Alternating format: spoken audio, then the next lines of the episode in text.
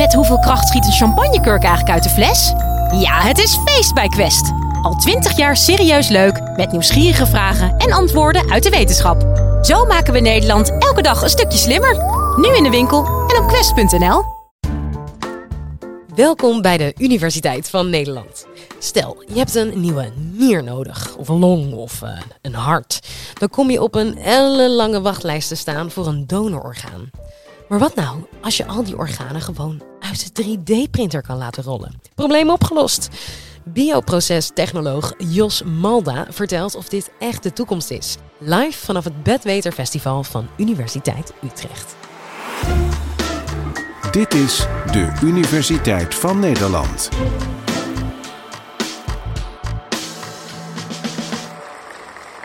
Organen. Dat zijn eigenlijk de motoren van ons lichaam. Maar wat nou als er eentje stuk gaat?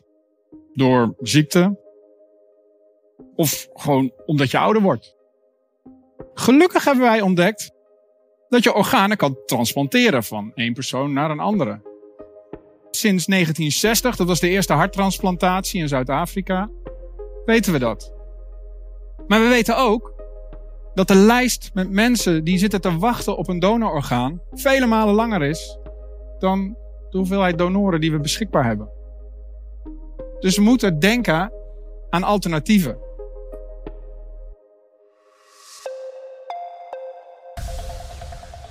De 57 jaar oude Bennett. Hij was ziek omdat zijn hart niet goed werkte.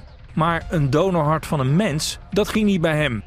Er was nog één andere mogelijkheid en daar hoefde Bennett niet lang over na te denken.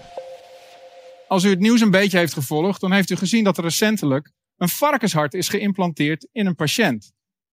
Dat is misschien veelbelovend, maar er zitten nog best wel wat risico's aan. Met betrekking tot um, ziekteoverdracht en, en afstoting. Maar wat nou als je een volledig synthetisch implantaat kan maken?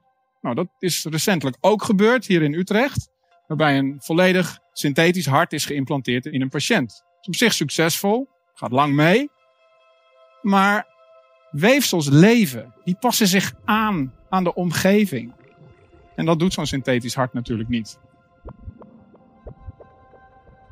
Dus wat nou als je zo'n orgaan gewoon zou kunnen printen?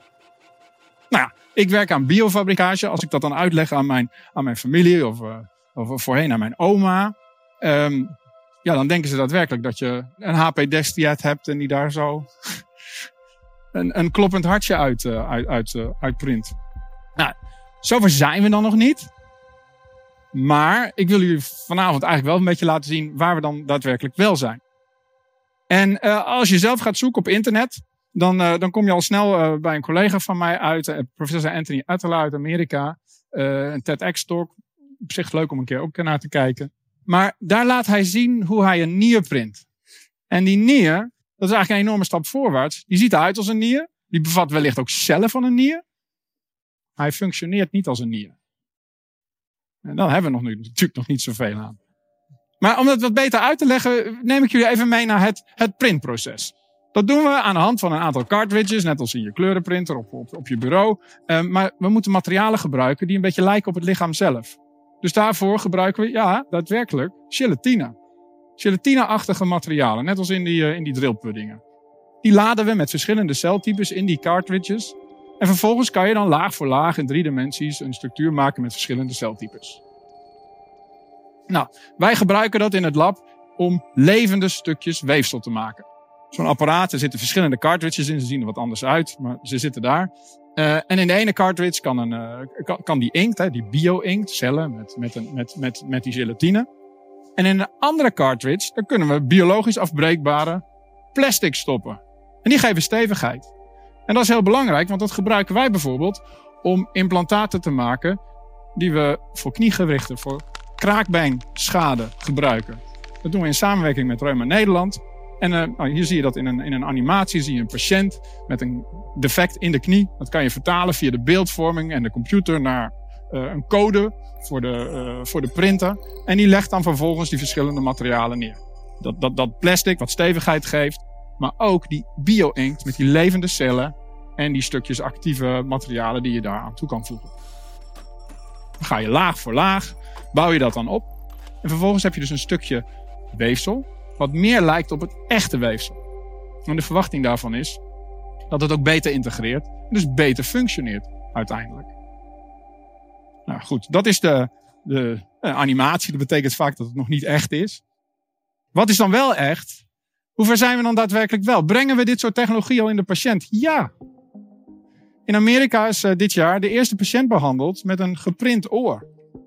Een structuur van een oor bij een patiënt met microtia, dat is een uh, vervorming van, van de oorschelp, waarbij ze dat hebben geïmplanteerd. Een ander voorbeeld is, het dichter bij huis. Uh, in, in Marseille zijn ze op het moment bezig met een klinische trial, een, een, een patiëntenstudie, waarbij ze geprinte huid uh, op, op patiënten nu aan het, uh, uh, aan het toepassen zijn voor brandwonden en chronische wonden. Dat is fantastisch, dat is hartstikke mooi. Maar die oorschelp die hoeft alleen maar vorm te houden. Die huid die heeft een ontzettend sterk zelfregenererend, reparatief vermogen. Dus ja, hoe gaan we nou iets maken wat nog meer een complexe functie heeft? Bijvoorbeeld de hartspier die vanuit zichzelf samentrekt.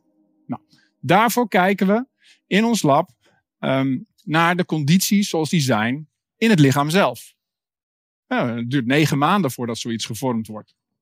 En dat proberen we te vertalen naar de condities die we in een broedstoof hè, en met verschillende voedingsstoffen um, proberen na te bootsen.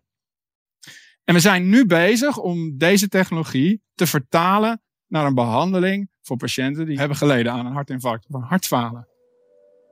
Dat klinkt natuurlijk fantastisch, maar de grote vraag is natuurlijk, hoe ver kunnen we hier nou mee gaan? En dat is iets wat wij onze jonge onderzoekers ook daadwerkelijk meegeven.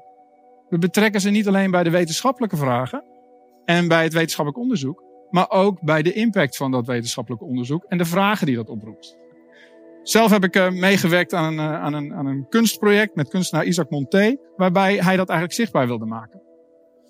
Geneeskunde gaat over beter maken. Maar kan je ook iets beter maken dan dat het al was? Mag dat? En om dat ook uit te beelden, heeft hij hier een, uh, dit is een varkenshart op sterk water. En daar hebben wij een stuk slagader bij geprint in een wat cubistische, futuristische vorm. Uh, om eigenlijk ook een beetje beeld te geven aan die vraag. En verder zitten er natuurlijk een heel veel groter aantal ethische vragen aan. Wat voor cellen gebruik je? Gebruik je de cellen van de patiënt zelf? Um, gebruik je cellen van een donor? Gebruik je cellen die genetisch veranderd zijn, gemodificeerd zijn? En dat zijn de vragen en de discussies die wij samen met z'n allen moeten hebben. Die je moet hebben met je buurman, met je politieke partij, met uh, mensen van de patiëntorganisatie. En ik ben er sterk van overtuigd dat dat de enige manier is waarop we op een verantwoordelijke manier dit soort technologie daadwerkelijk naar de patiënt kunnen brengen. Ik dank jullie voor je aandacht.